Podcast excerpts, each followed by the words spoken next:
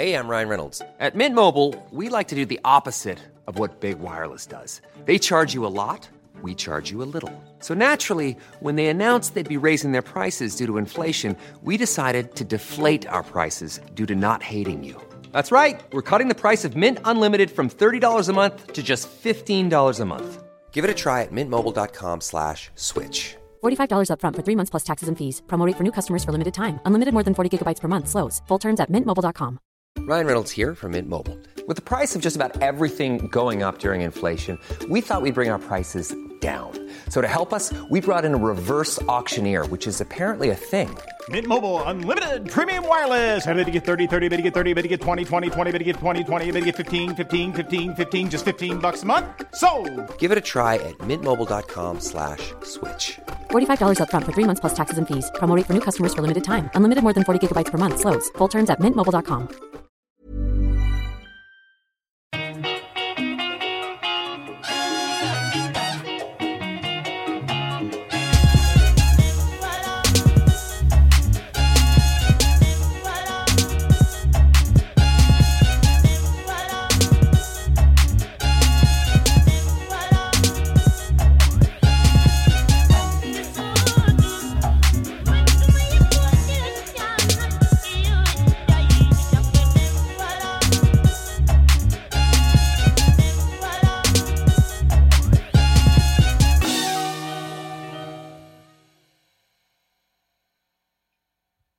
Hej och välkomna till Svart historia med mig, Amat Levin. Du lyssnar just nu på premiäravsnittet av säsong 2 och idag ska vi röra oss mot Centralafrika. Jag vill börja med att tacka alla er som stöttar den här podden på Patreon och på så sätt gör det möjligt för mig att fortsätta göra den.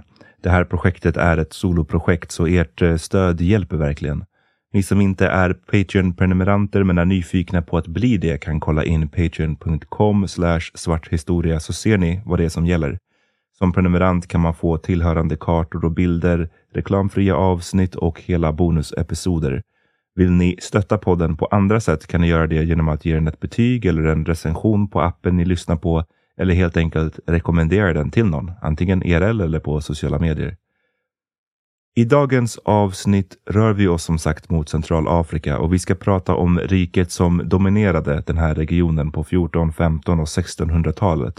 Det var ett rike som hade ett nära samarbete med Portugal. En relation som över tid urartade i fruktansvärda scener. Ett kungadöme vars öde har haft stora konsekvenser för vårt västra halvklot. Vi ska prata om Kongoriket och dess uppgång och fall.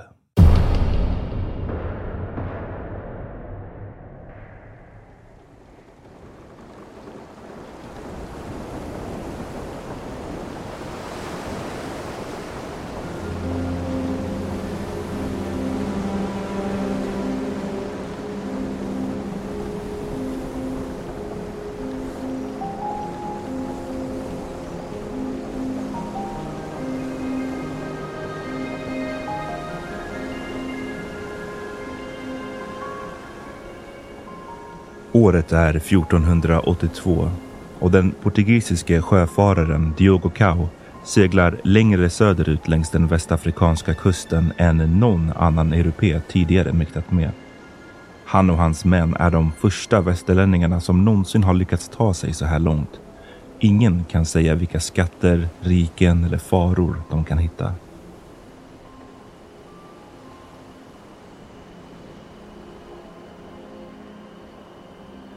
Plötsligt möts hans fartyg av en enorm kraft som vräker ut vatten i västlig riktning. Några ur besättningen skyndar att smaka på vattnet som nu omgärdar båten och upptäcker att saltsmaken är borta. Det är sötvatten som forsar emot dem. Fascinerad trotsar besättningen strömmen och seglar in i gapet av en väldig flod. En farled in i det okända. I förra säsongen pratade vi om den europeiska utforskningen av Afrika och hur det var portugiserna som gick i bräschen för den på 1400-talet. Det här var en tid då resor ute på öppet hav var livsfarliga. Det var långt ifrån en garanti att de som lämnade kusten för att utforska det okända någonsin skulle återvända. Men med hjälp av finansiering av portugisiska prins Henrik, eller Henrik Sjöfararen som han också kallas, gjorde Portugal stora framsteg inom navigering och skeppsbyggnad. Framsteg som gjorde att de år efter år kunde ta sig längre söderut längs den västafrikanska kusten. Och det var inte bara ekonomiska incitament som motiverade resorna, inte bara tanken på att hitta guld, kryddor eller andra värdefulla råvaror. De hoppades också hitta den mytomspunna figuren Johannes Prästen, som enligt medeltida europeiska legender var en kung som ledde ett framstående kristet rike omringat av muslimer och hedningar. Kanske kunde de även hitta Nilens källa, något som européerna försökt göra ända sedan antiken. Spårade av allt det nådde portugiserna på 1440-talet till dagens Mauritanien. På 1470-talet hittade de till nuvarande Ghana och nu under 1480-talets första par år hade de alltså som första europeer lyckats ta sig ända till mynningen av Kongofloden i västra Centralafrika.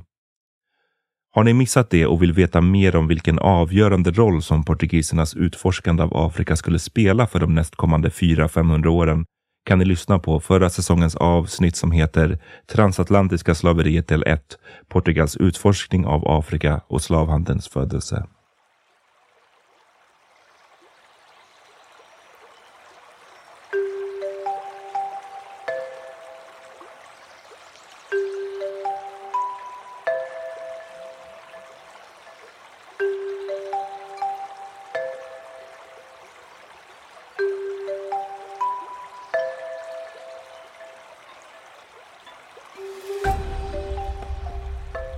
Diogo Cao, sjöfararen som ledde expeditionen, gick i land precis vid flodmynningen.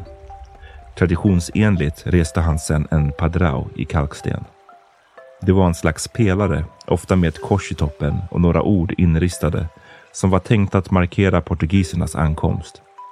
Just den här padraon hade ett kristet kors av järn högst upp och texten löd bland annat så här. Citat. Den mest fridfulle, den mest berömlige och mäktiga prinsen, kung Johan den andre av Portugal, beordrade att detta land skulle upptäckas och att denna stenpelare skulle resas av Diogo Cao, en herre i hans hushåll. Slutcitat. Kort efter landstigningen stötte expeditionen sen på några bybor som informerade dem om att floden hette Nzadi, vilket betyder ungefär den stora floden och att territoriet styrdes av den så kallade Manikongon, en kung och allsmäktig ledare. När Diogo Cao stod där vid vattenbrynet bestämde han sig för att lämna fyra ur sin besättning för att försöka ta kontakt med Manikongon. Sen klev han ombord sitt fartyg, seglade ut ur flodmynningen och fortsatte på sin planerade resa söderut längs Afrikas västra kust.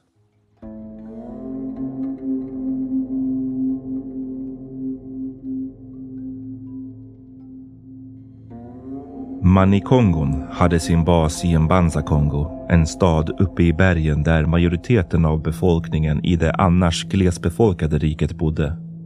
Stan, som fortfarande finns kvar, ligger nästan så långt norrut man kan komma i dagens Angola, nära gränsen till de södra delarna av nuvarande Kongo-Kinshasa. Det var härifrån som kungen utövade sin makt över regionen. Kongoriket hade existerat som ett kungadöme i omkring 100 år före portugisernas ankomst. Det var under 1300-talets sista decennier som en samling mindre territorier smälte samman och formade Kongoriket. En stat eller kanske mer likt en federation som genom både erövring och frivillig inkorporering av andra regioner kom att inkludera delar av nuvarande Kongo-Brazzaville, Kongo-Kinshasa, Angola och Gabon. Under sig hade Manikongon, eller kungen, en grupp statsråd. Vissa av dem medlemmar av hans egen familj som ansvarade för separata distrikt. Genom att driva in skatter i form av råvaror och arbete blev kungens makt stor och Kongo handlade sig rikt på metall, keramik och elfenben. Fibrerna från raffiapalmer användes för att väva ett säreget, populärt och värdefullt tyg medan skalen från havssniglar som fiskades kring en ö utanför det som idag är Luanda i Angola blev en valuta och var kända som Zimbu. Folket livnärde sig på att odla exempelvis jams och bananer och på att föda upp grisar, getter och nötkreatur. Det är inte helt etablerat vad det var som gav Kongos adel sitt inflytande. Alltså vad det var som gjorde dem till en adel. I den brittiske historikern Toby Greens hyllade bok A Fistful of Shells, West Africa from the Rise of the Slave Trade to the Age of Revolution, skriver han att det kan ha att göra med järn. Enligt lokal muntlig tradition var Kongorikets grundare också den som uppfann smedjan. Och enligt en europeisk missionär som befann sig i riket på 1700-talet var alla smeder också adelsmän. Kongo var ett matrilinjärt samhälle, vilket betyder att eh, härkomst, släktskap och arv gick via moderns sida. Män ärvde inte av sina fäder utan av sina morbröder och titeln av Manikongo, eller kung, gick inte från far till son utan från far till hans seniora kvinnliga släktingsson. Med andra ord, den som hade rätt att ärva tronen var kungens systers, mosters eller kusinson. Men vem som blev kung bestämdes inte enbart av släktskap. Kongo hade även ett system där elektorer från elitfamiljer i samhället valde den nya kungen från en lista av möjliga kandidater. Som ni hör var det här ett rätt invecklat system och Kongo, likt flera av de historiska afrikanska rikena vi har pratat om på den här podden, skulle i framtiden koppla många av sina problem till den här komplicerade tronföljden. Trots regionens träskmarker, svårgenomträngliga skogar och höga berg finns flera tecken på att Kongoriket, tvärt vad man i väst tidigare antog, inte alls var isolerat. Istället var det en del av långa handelsnätverk långt innan portugisernas ankomst.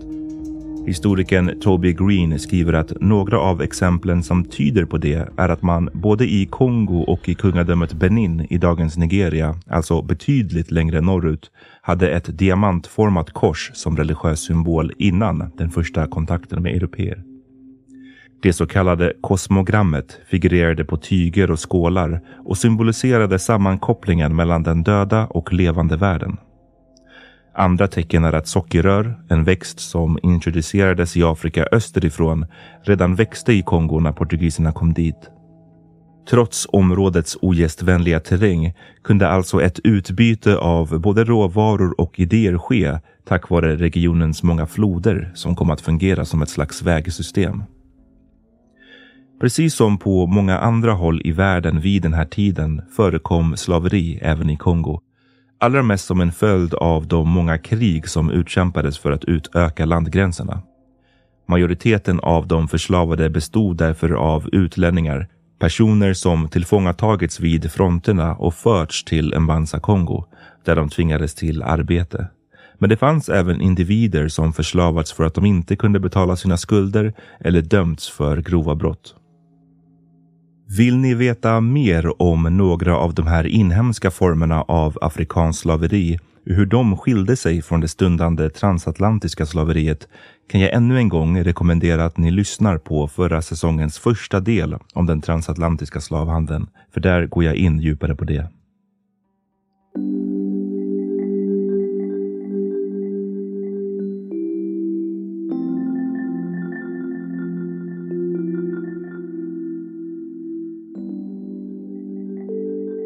Som ni kanske minns hade Diogo Cao, den portugisiske sjöfararen som blev den första europeen att hitta till Kongofloden, lämnat fyra ur sin besättning vid flodmynningen för att försöka få kontakt med Kongos kung.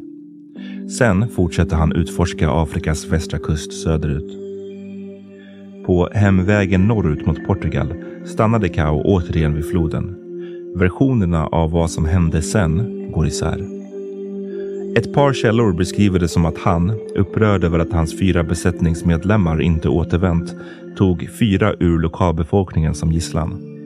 I andra källor berättas det att han möttes av en officiell delegation skickad för att upprätta handelsförbindelser. Båda versionerna är dock överens om att en liten grupp kongoleser faktiskt följde med på hemresan till Portugal. Oavsett om de var gisslan eller frivilliga ambassadörer ska kongoleserna ha välkomnats och behandlats som hedersgäster i Portugal. De fick bo i anslutning till palatset och fick uppsydda kostymer värda hovmän.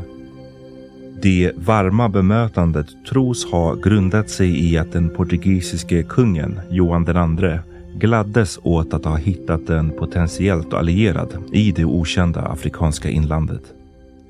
Kanske kunde de, eller kanske framförallt floden, bli nyckeln till att lokalisera Johannesprästens förlovade land. I Portugal lärde sig kongoleserna portugisiska, studerade kristendom och tilläts efter en tid, årtalen varierar, att följa med tillbaka till Kongoriket. Förhoppningen var att de återvändande kongoleserna nu skulle prata varmt om portugiserna.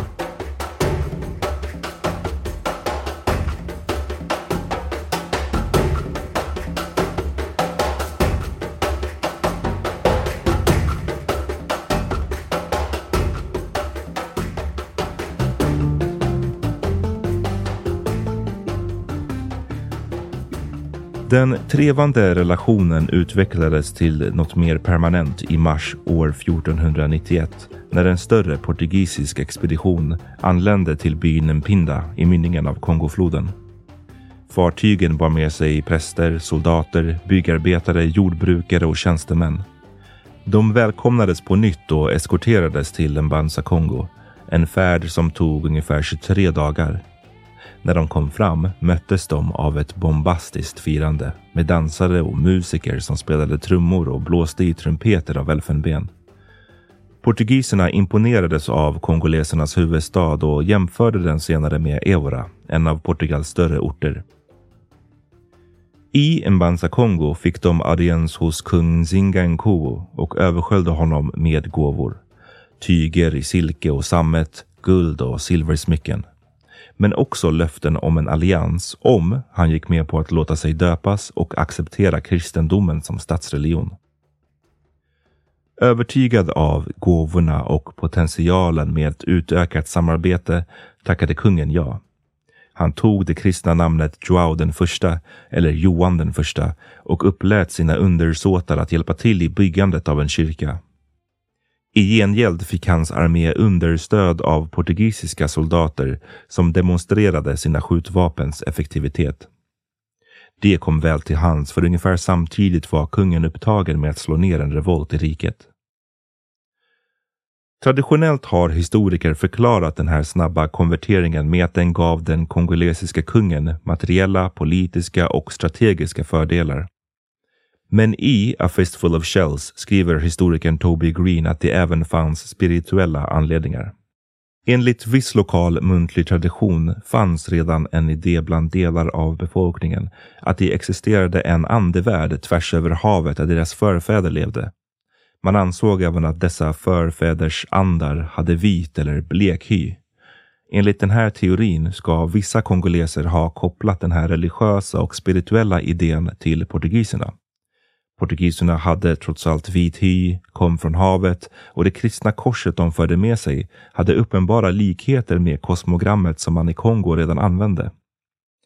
Sammantaget kan det här kanske alltså förklara det varma mottagandet portugiserna fick och dessutom förklara varför kristendomen så tidigt skulle få fäste just här. Här någonstans kan det också vara bra att påpeka att folk ibland lite slentrianmässigt antar att europeiska nationer alltid har haft ett stort teknologiskt övertag gentemot afrikanska stater. Det skulle bli sant långt senare under den europeiska koloniseringen av Afrika på slutet av 1800-talet. Men under tidpunkten vi pratar om nu, alltså skiftet mellan 14 och 1500-talet, var skillnaderna knappa.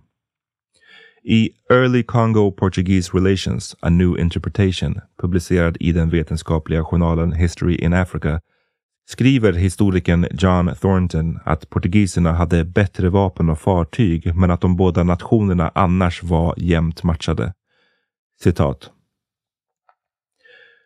På mer grundläggande sätt låg Kongo och Portugal mer eller mindre på samma ekonomiska nivå. Båda var monarkier styrda av kungar och en klass av adelsmän där relationer av släktskap, klientskap och inflytande dominerade det politiska systemet.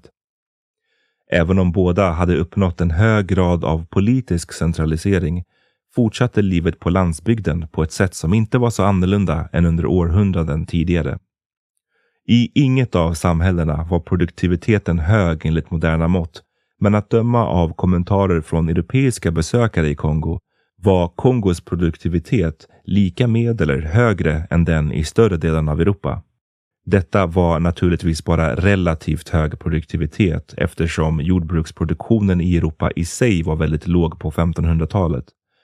Svält och farsot var lika utbrett i Portugal som i Kongo och sådana indikationer på hälsa som förväntad livslängd eller spädbarnsdödlighet, även om de var dystra med moderna mått för båda länderna, skilde de sig knappast mycket från varandra. Slutcitat. Men några av fördelarna som portugiserna faktiskt hade, främst eh, skeppsbyggandet och navigeringen på haven, skulle med tiden ändå leda till ekonomiska uppsving för dem. Historikern John Thornton igen. Citat. Portugals handel gynnades mest av hennes överlägsna transportteknik som gjorde det möjligt för portugiserna att med fartyg snabbt och billigt flytta produkter från en marknad till en annan. Slutcitat. Som exempel på den här modellen nämner Thornton att portugiserna köpte stora mängder koppar i Kongo.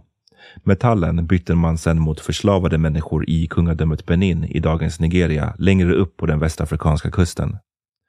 Dessa förslavade kunde de sedan byta mot guld i det som skulle få namnet Guldkusten, alltså nuvarande Ghana.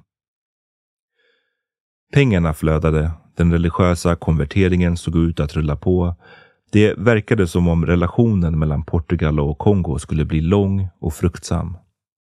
Men snart skulle den initiala glädjen och samarbetsviljan övergå i frustration. Frustration som skulle övergå i förödelse. A lot can happen in three years, like a chatbot may be your new best friend. But what won't change? Needing health insurance. United Healthcare Tri Term Medical Plans, underwritten by Golden Rule Insurance Company, offer flexible, budget friendly coverage that lasts nearly three years in some states. Learn more at uh1.com. Ryan Reynolds here from Mint Mobile. With the price of just about everything going up during inflation, we thought we'd bring our prices down. So to help us, we brought in a reverse auctioneer, which is apparently a thing. Mint Mobile unlimited premium wireless. Ready to get 30, 30, bit to get 30, bit to get 20, 20, 20, bit to get 20, 20, bit to get 15, 15, 15, 15 just 15 bucks a month. So, Give it a try at mintmobile.com slash switch. $45 up front for three months plus taxes and fees. Promo rate for new customers for limited time. Unlimited more than 40 gigabytes per month. Slows. Full terms at mintmobile.com.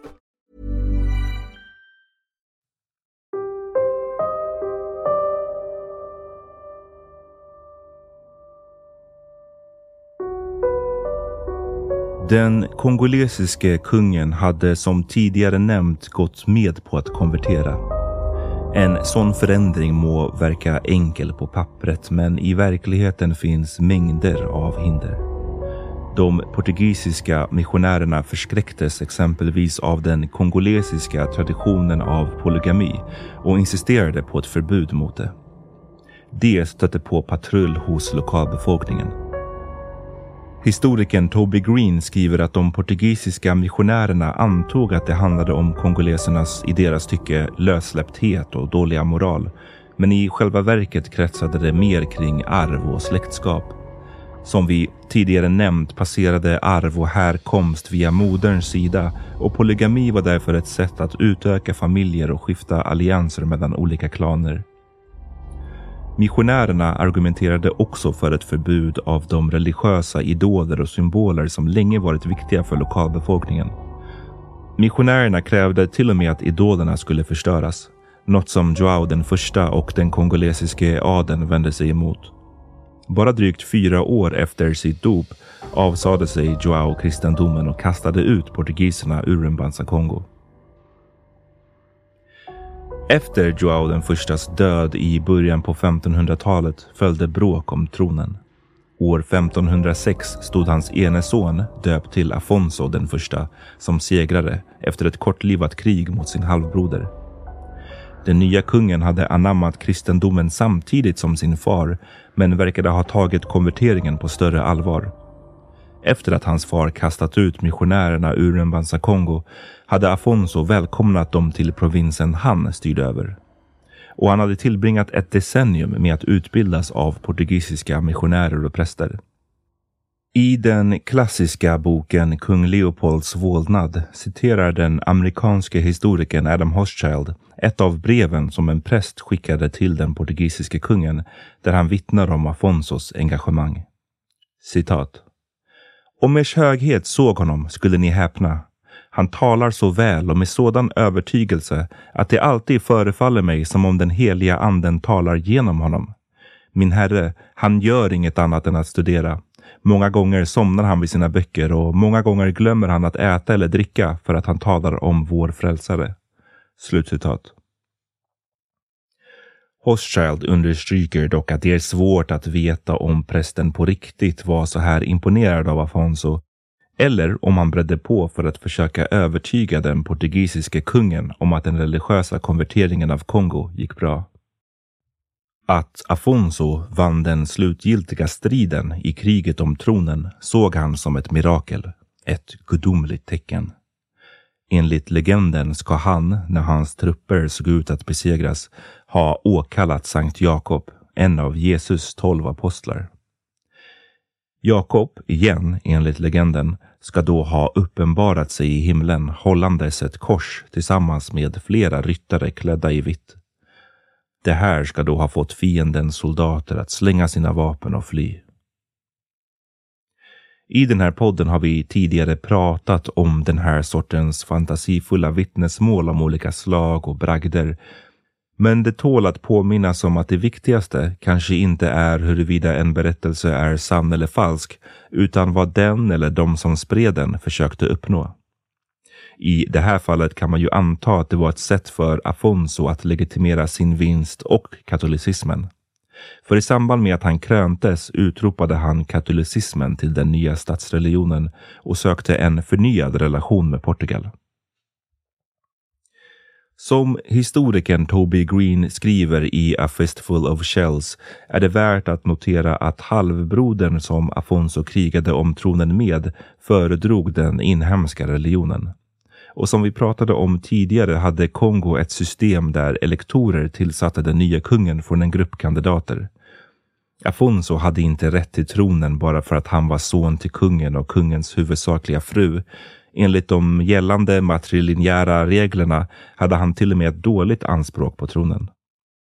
Men i den kristna traditionen som portugiserna förde med sig hade ju däremot kungens äkta son det främsta anspråket på tronen. Enligt katolicismen, som Afonso nu utropade till statsreligion, var han den legitima nya kungen. Kanske var det alltså inte bara religiös övertygelse utan en slags taktisk eh, list som fick honom att utannonsera konverteringen till katolicismen.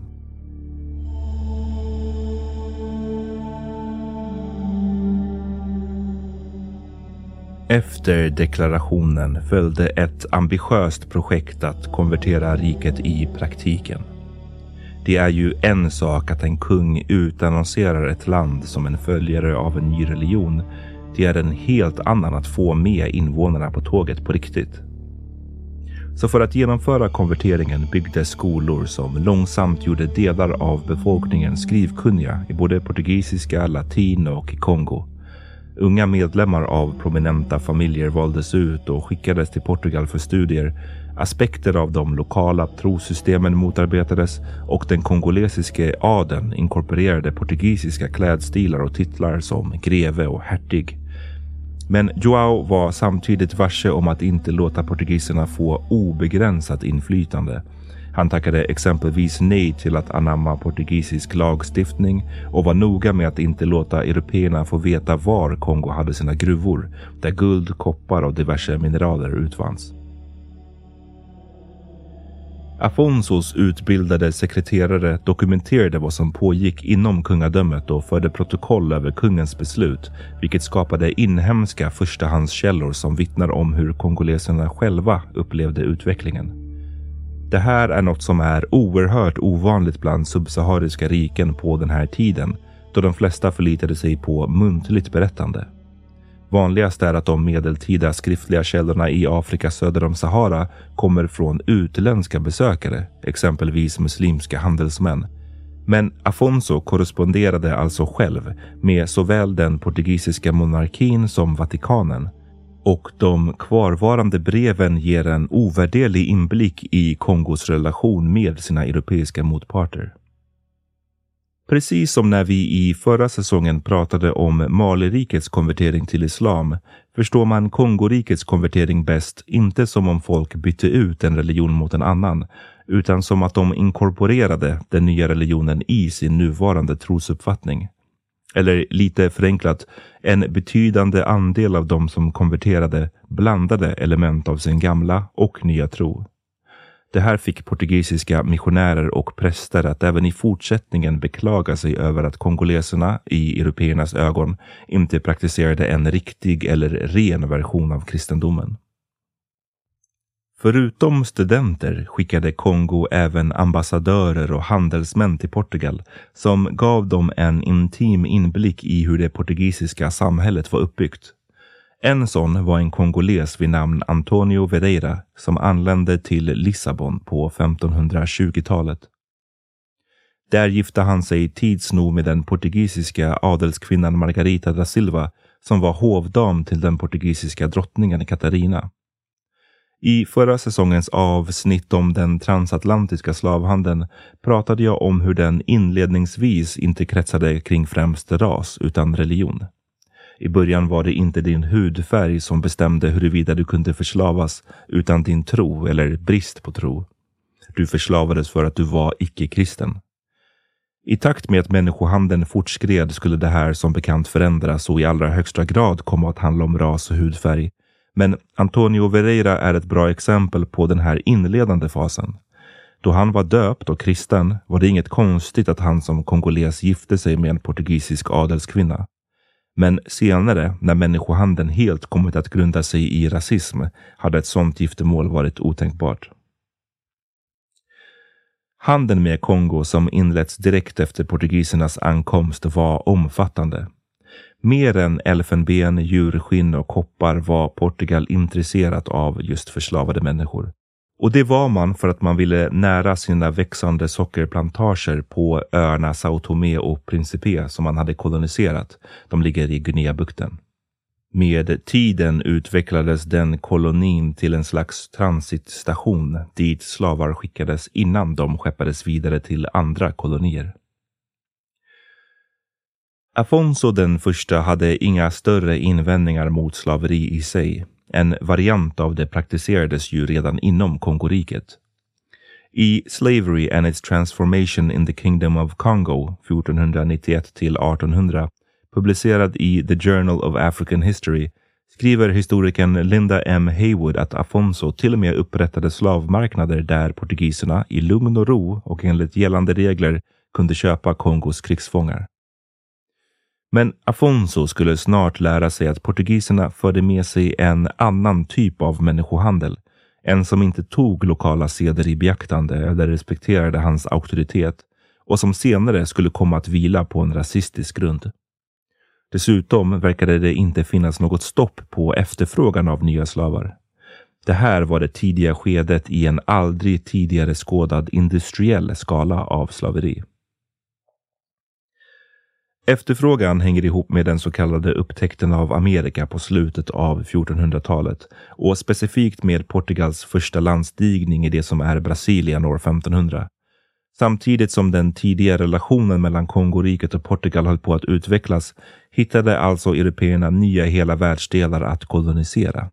Men för att göra det möjligt krävdes arbetare, specifikt slavarbetare.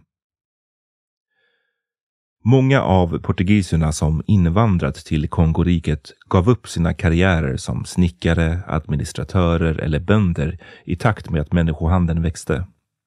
Istället hängav de sig helt åt slavhandeln och rikedomarna som fanns att tjäna på den. I kung Leopolds vålnad skriver historikern Adam Hochschild så här om slaverihetsen som upptog européerna. Citat. Portugiserna lämnade sökandet efter Johannes prästen bakom sig. Slavfebern grep dem. Män som skickats från Lissabon för att jobba som murare eller lärare i en Kongo tjänade snart mycket mer pengar på att skicka konvojer av fastkedjade afrikaner till kusten och sälja dem till kaptenerna på slavbärande karaveller. Slutcitat. Även de portugiser som åtminstone på pappret borde ha haft moraliska eller religiösa motiv till att hålla fast vid sina ursprungliga roller blev slavhandlare. Hochschild skriver så här, citat. Lusten efter slavvinster uppslukade till och med några av prästerna som övergav sin predikan, tog svarta kvinnor som konkubiner, själva tog slavar och sålde sina elever och konvertiter in i slaveri. Slutcitat. Afonso, som såg sig själv som en from kristen i färd med att konvertera den kongolesiska befolkningen, förargades just över de portugisiska prästernas inblandning i människohandeln. Enligt hans regler fick kvinnor inte säljas som slavar, något som den portugisiska religiösa eliten uppenbarligen struntade i. I Slavery and its Transformation in the Kingdom of Congo skriver Linda M. Hayward att flera av prästerna inte bara tog kongolesiska kvinnor som slavar, utan tog dem för specifikt sexuella ändamål. Somliga kongolesiska adels eller handelsmän lockade av vapen, ammunition och europeiskt hantverk som de förslavade kunde bytas mot agerade villiga försäljare och mellanhänder. Situationen var på väg att urarta och det var uppenbart att den kongolesiska kungen inte längre hade kontroll över den. I ett brev skickat till den portugisiske kungen Johan den tredje år 1526 beklagade sig kung Afonso över slavhistorin och ignorerandet av de gällande reglerna. Här kommer vi till en punkt då de här inhemska skriftliga källorna blir så värdefulla, för brevet han skickade finns kvar än idag. Han skrev bland annat citat. Varje dag kidnappar köpmännen våra invånare, barn av denna nation, adens och vasallernas söner, till och med folk tillhörande vår egen familj. Så korrupt och tygellös är handeln att vårt land håller på att avfolkas. Det är vår önskan att detta kungadöme inte ska vara en plats för handel med eller transport av slavar. Slutcitat. Han fortsätter i ett annat brev senare samma år. Citat.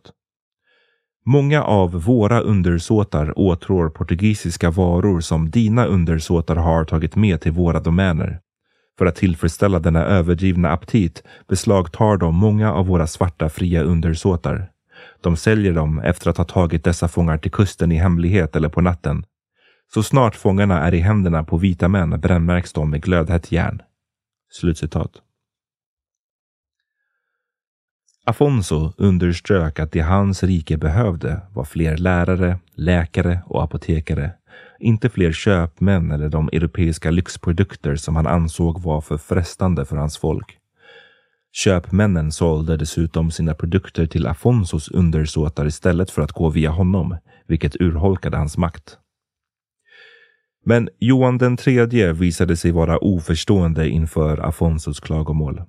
Den portugisiske kungen hävdade att hans landsmän vittnat om att Kongorikets territorium var kolossalt och så välbefolkat att det fortfarande såg ut som om ingen slav ännu hade lämnat landet. Flera gånger försökte Afonso få påven att ingripa, men de kongolesiska sändebuden grep så fort de klev av fartygen i Portugal och förvägrades resa vidare till Vatikanen. Ett annat brev från Afonso den första år 1539 avslöjar att tio av hans egna syskon och barnbarn som skickats till Portugal för studier försvunnit spårlöst under resans gång. I efterhand har det uppdagats att de förslavades och skeppades till den nya portugisiska kolonin Brasilien, dit majoriteten av regionens förslavade skickades. Först på 1600-talet gjorde växande efterfrågan i Nordamerika att fler kaptener också började ta den längre färden dit. Kung Afonsos många försök att reglera eller monopolisera handeln gjorde dessutom att han utsattes för ett mordförsök orkestrerat av en grupp portugisiska köpmän under en påskmässa år 1540. Afonso var nu en gammal man, runt 80, men klarade sig med ett skotthål i kläderna. Om man försöker sätta sig in i hur Afonso måste ha upplevt situationen blir det uppenbart vilken omställning det måste ha varit. När han var barn hade portugiserna ännu inte hittat till Kongo. I Kongoriket visste man inte ens att portugiser fanns. Men nu, bara några decennier senare, höll deras agerande på att trasa sönder landet.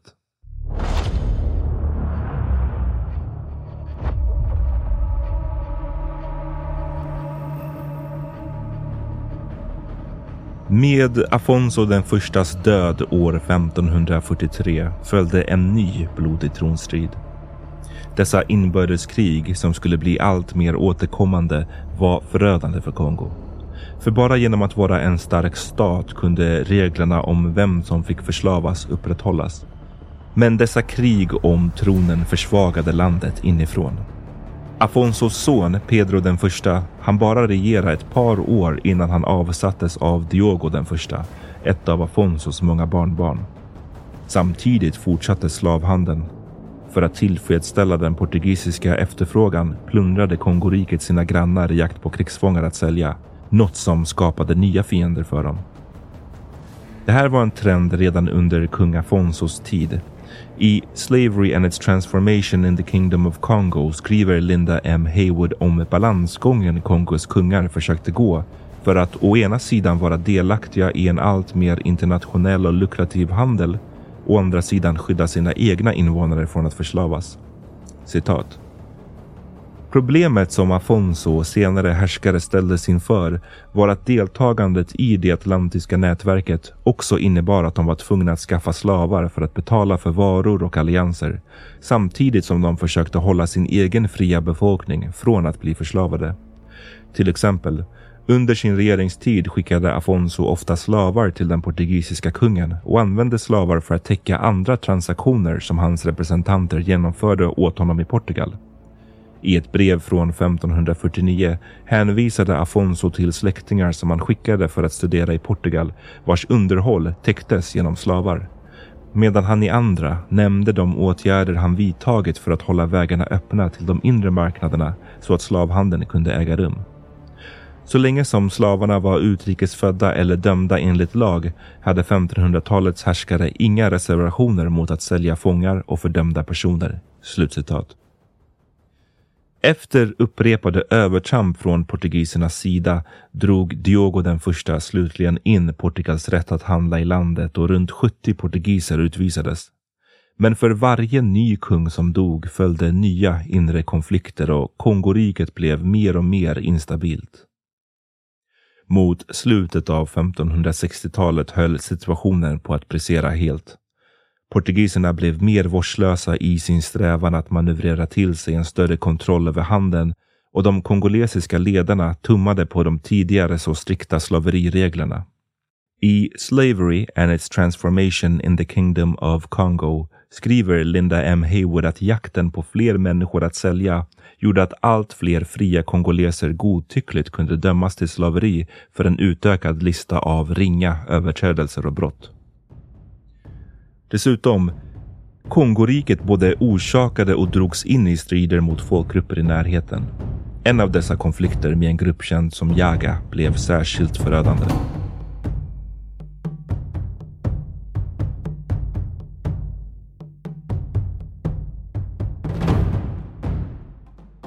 Deras ursprung har debatterats flitigt och vad jag vet råder ännu ingen riktig konsensus det är exempelvis oklart om det rör sig om en invasion från en utländsk grupp eller om det snarare var ett uppror inifrån Kongo. Om deras attack var en hämnd för slaveri de själva utsatts för eller om det var ett sätt att själva försöka ta kontroll över slavhandeln. Oavsett var Jaga en grupp som satte skräck i riket och plundrade och dödade urskillningslöst.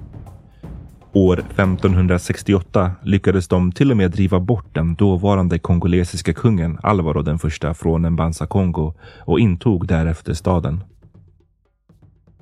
Desperat att återta kontrollen sökte Alvaro hjälp av portugiserna. Tillsammans med en portugisisk styrka besegrade de Jaga-gruppen år 1570 och tog tillbaka Kongos huvudstad.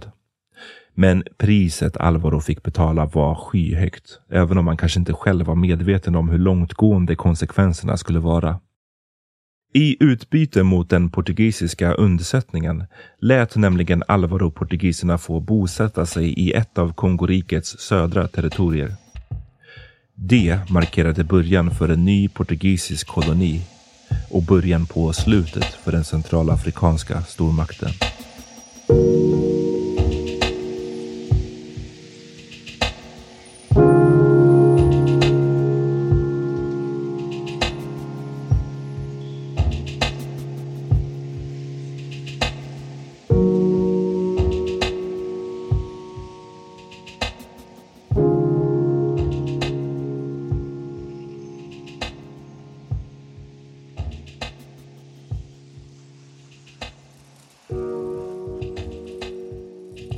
Efter att portugiserna fått tillåtelse att bosätta sig i de södra delarna av Kongoriket grundade de hamnstaden Luanda år 1575.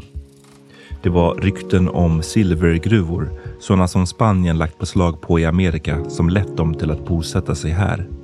De hoppades även på att hitta koppar. Men i brist på mineralerna blev staden istället snabbt ett handelsnav för den frenetiska slavexporten. Till en början kunde den portugisiska enklaven och Kongoriket samexistera relativt friktionsfritt och den afrikanska nationen fortsatte att ta efter den europeiska kolonialmakten. Bland annat döptes huvudstaden Mbanza Kongo om till Sao Salvador och 1596 utnämnde Vatikanen den till en stiftsstad med en egen biskop.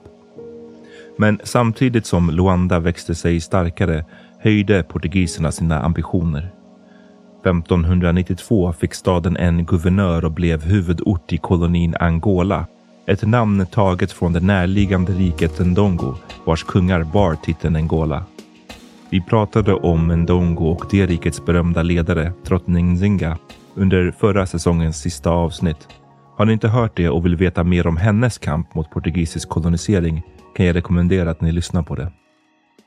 Därtill underminerade Angolas expanderande handelsnätverk Kongos traditionellt starka ekonomiska ställning.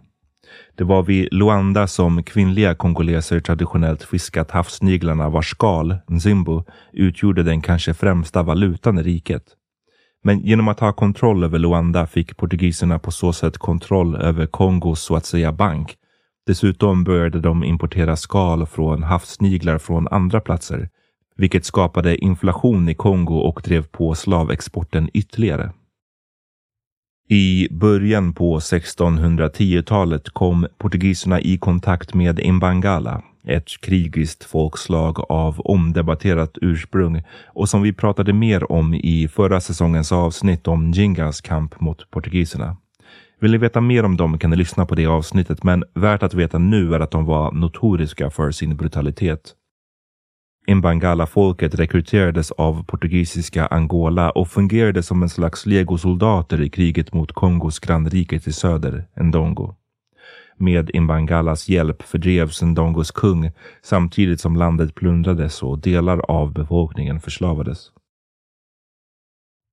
Ett fullskaligt krig bröt sedan ut mellan Angola och Kongo år 1622. Det utkämpades under många år och med hjälp av Nederländerna som erbjöd sin flotta i utbyte mot slavar kunde Kongo länge stå emot Angola och vann flera strider mot portugiserna. Det här är ännu ett tecken på hur Kongo eller Afrika inte alls var isolerat utan var en delaktig part på världsarenan. Det här var ett krig som utspelade sig över södra Atlanten och utfallet skulle få konsekvenser för tre världsdelar. Europa, Afrika och portugisernas och Nederländernas kolonier i Sydamerika. Det kan ses som en del av det 30-åriga kriget som man kanske vanligtvis antar bara utkämpades i Europa. Konflikten böljade fram och tillbaka ända till 1665 då Kongo led ett förödande nederlag under slaget vid Mbuila. Det var i slutet av oktober som arméerna möttes. Kongoleserna med sina svärdsmän och många pilbågsskyttar, men också musketörer.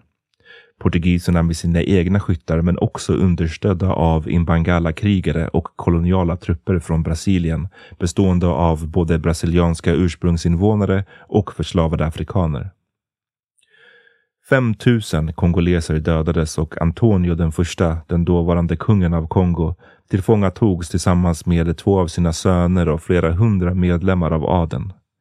Kungen halshöggs och många ur aristokratin förslavades och skickades till Brasilien och andra kolonier i Amerika.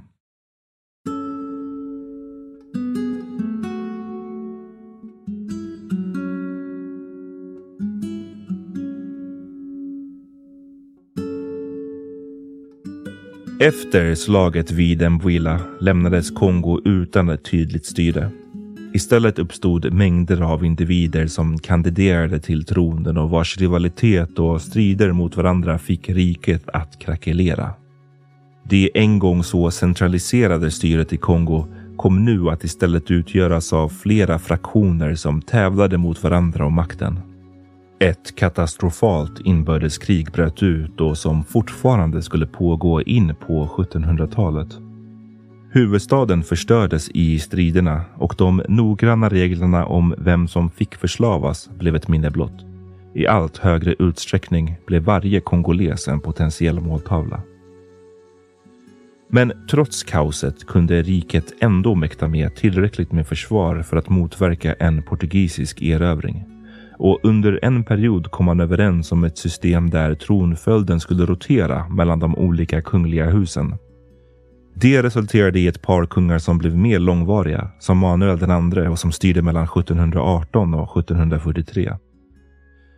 Men trots att riket må ha stabiliserats något skulle det dock aldrig nå samma höjder som tidigare och periodvis blossade nya strider om makten upp. Kongo fortsatte att existera som ett självständigt rike under 1800-talet. Det förändrades när en kongolesisk kung känd som Pedro V knep makten med hjälp av portugisisk uppbackning år 1859. I utbyte svor han allians till Portugal och under hans styre blev Kongo för första gången en portugisisk lydstat. Under perioder hade Portugal dock begränsade möjligheter att utöva sin makt över Kongo och Pedro den femte blev därför den som hade kontrollen i praktiken. Men oavsett var det kraftigt försvagade och minskade Kongoriket på väg att sväljas av kolonialmakterna. År 1914, under styret av en annan kung, Manuel den tredje, gjorde kongoleser revolt mot den portugisiska överheten. Portugal svarade med att avskaffa kungadömet, strippa Manuel den tredje av statusen som regent över en lydstat och införde ett direkt kolonialt styre. Efter att ha funnits i mer än 500 år upphörde Kongoriket nu att existera. Det skulle dröja länge innan regionen blev kvitt europeisk kolonisering. Kongo-Brazzaville, Kongo-Kinshasa och Gabon blev självständiga 1960 medan det skulle krävas ett blodigt och 13 år långt krig innan Angola slutligen vann sin frihet från Portugal år 1975.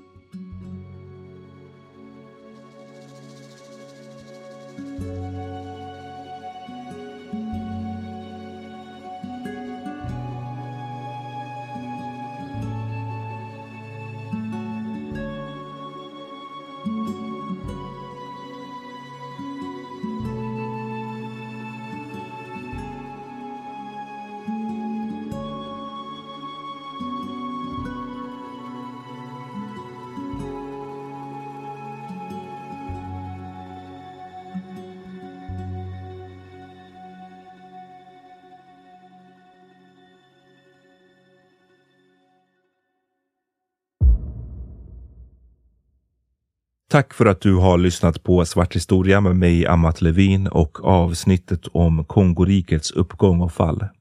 I nästa veckas reflektionsavsnitt kommer jag att prata mer om vad som hände med delar av den kongolesiska adel som tillfångatogs och skeppades över Atlanten som slavar efter slaget vid Mvila på mitten av 1600-talet. En ledtråd redan nu är att de knappast var redo att ge upp sin strid, även i slaveri. Vissa av er som stöttar den här podden på Patreon kommer också få ett Patreon-exklusivt avsnitt om en ung kvinna som har beskrivits som den kongolesiska Jeanne d'Arc. En kvinna som i sin religiösa övertygelse seglade upp som en ledare för det splittrade Kongoriket under inbördeskriget och för en stund såg ut att kunna ena landet. Vi hörs då.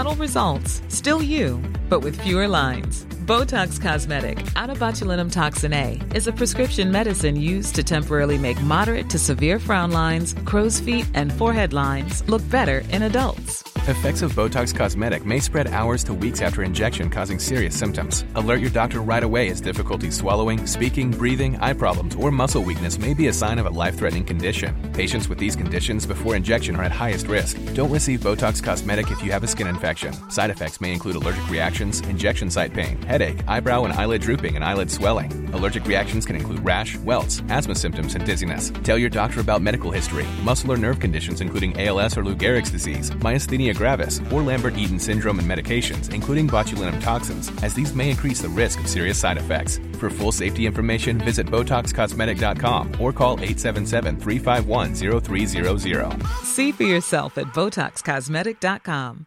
Tired of ads barging into your favorite news podcasts? Good news. Ad-free listening is available on Amazon Music for all the music plus top podcasts included with your Prime membership.